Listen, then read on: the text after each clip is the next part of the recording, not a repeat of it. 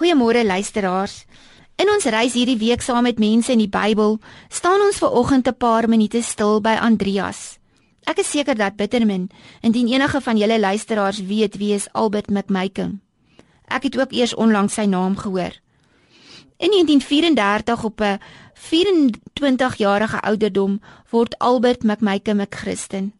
Hy was so opgewonde oor sy nuutgevonde liefde vir God dat hy 'n vragmotor vir mense opgelaai het om hulle na 'n reeks byeenkomste waar 'n prediker oor Jesus gepraat het te neem. Een van die boere wat Albert graag na hierdie prediker se dienste toe wou neem, was 'n persoon wat glad nie in die Christendom belang gestel het nie. Hy het ook doelloos van een verhouding na 'n ander rondgeploeter. En al hoe Albert hierdie jong man kon oortuig om saam te gaan, was om hom te vra om die vragmotor te bestuur. Toe die jong klomp in die saal ingaan, het Albert se gas besluit om maar ook binne te wag omdat dit so koud buite was. Hy was egter vasgevang deur die preek.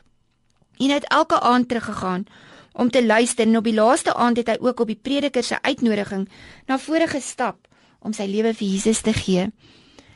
Sedert daardie dag het die jong vragmotorbestuurder die evangelie met minstens 250 miljoen mense gedeel en die geestelike raadgewer van 9 Amerikaanse presidente geword. Sy naam Billy Graham. In die Bybel lees ons ook oor 'n Albert McMaken. Sy naam was Andreas, die eerste man wat Jesus gekies het om sy disipel te wees. Nadat Andreas Jesus ontmoet het en tyd met hom spandeer het, het hy sy broer Petrus gaan roep en hom na Jesus toe gebring. Sonder Andreas sou daar nooit 'n groot Petrus gewees het wat die eerste Christelike preek gehou het en duisende tot bekering laat kom het nie. Daardie duisende het weer honderde duisende ander tot bekering laat kom. Dit was Petrus wie sy swaard uitgehaal het en Jesus beskerm het. Dit was Petrus wat 3000 tot bekering in een diens sou laat kom. Petrus skryf twee briewe wat in die Bybel opgeneem is. Andreas bring een man na Jesus en die man sou duisende na Jesus bring miljoene na hom deur die briewe wat hy geskryf het. Andreas was 'n alledaagse gewone man, nie 'n dinamiese persoon en 'n uitnemende spreker nie. Ons kan elkeen iemand na Jesus bring sonder om geestelike reuse te wees. Jy hoef nie die Nuwe Testament te memoriseer nie, jy hoef nie welsprekend of dinamies te wees nie.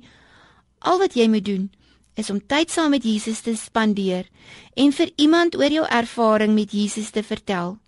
Vertel vir iemand as Jesus jou gebed beantwoord of as jy God se vrede beleef. Wie weet, dalk is daardie persoon 'n Billy Graham of 'n Petrus.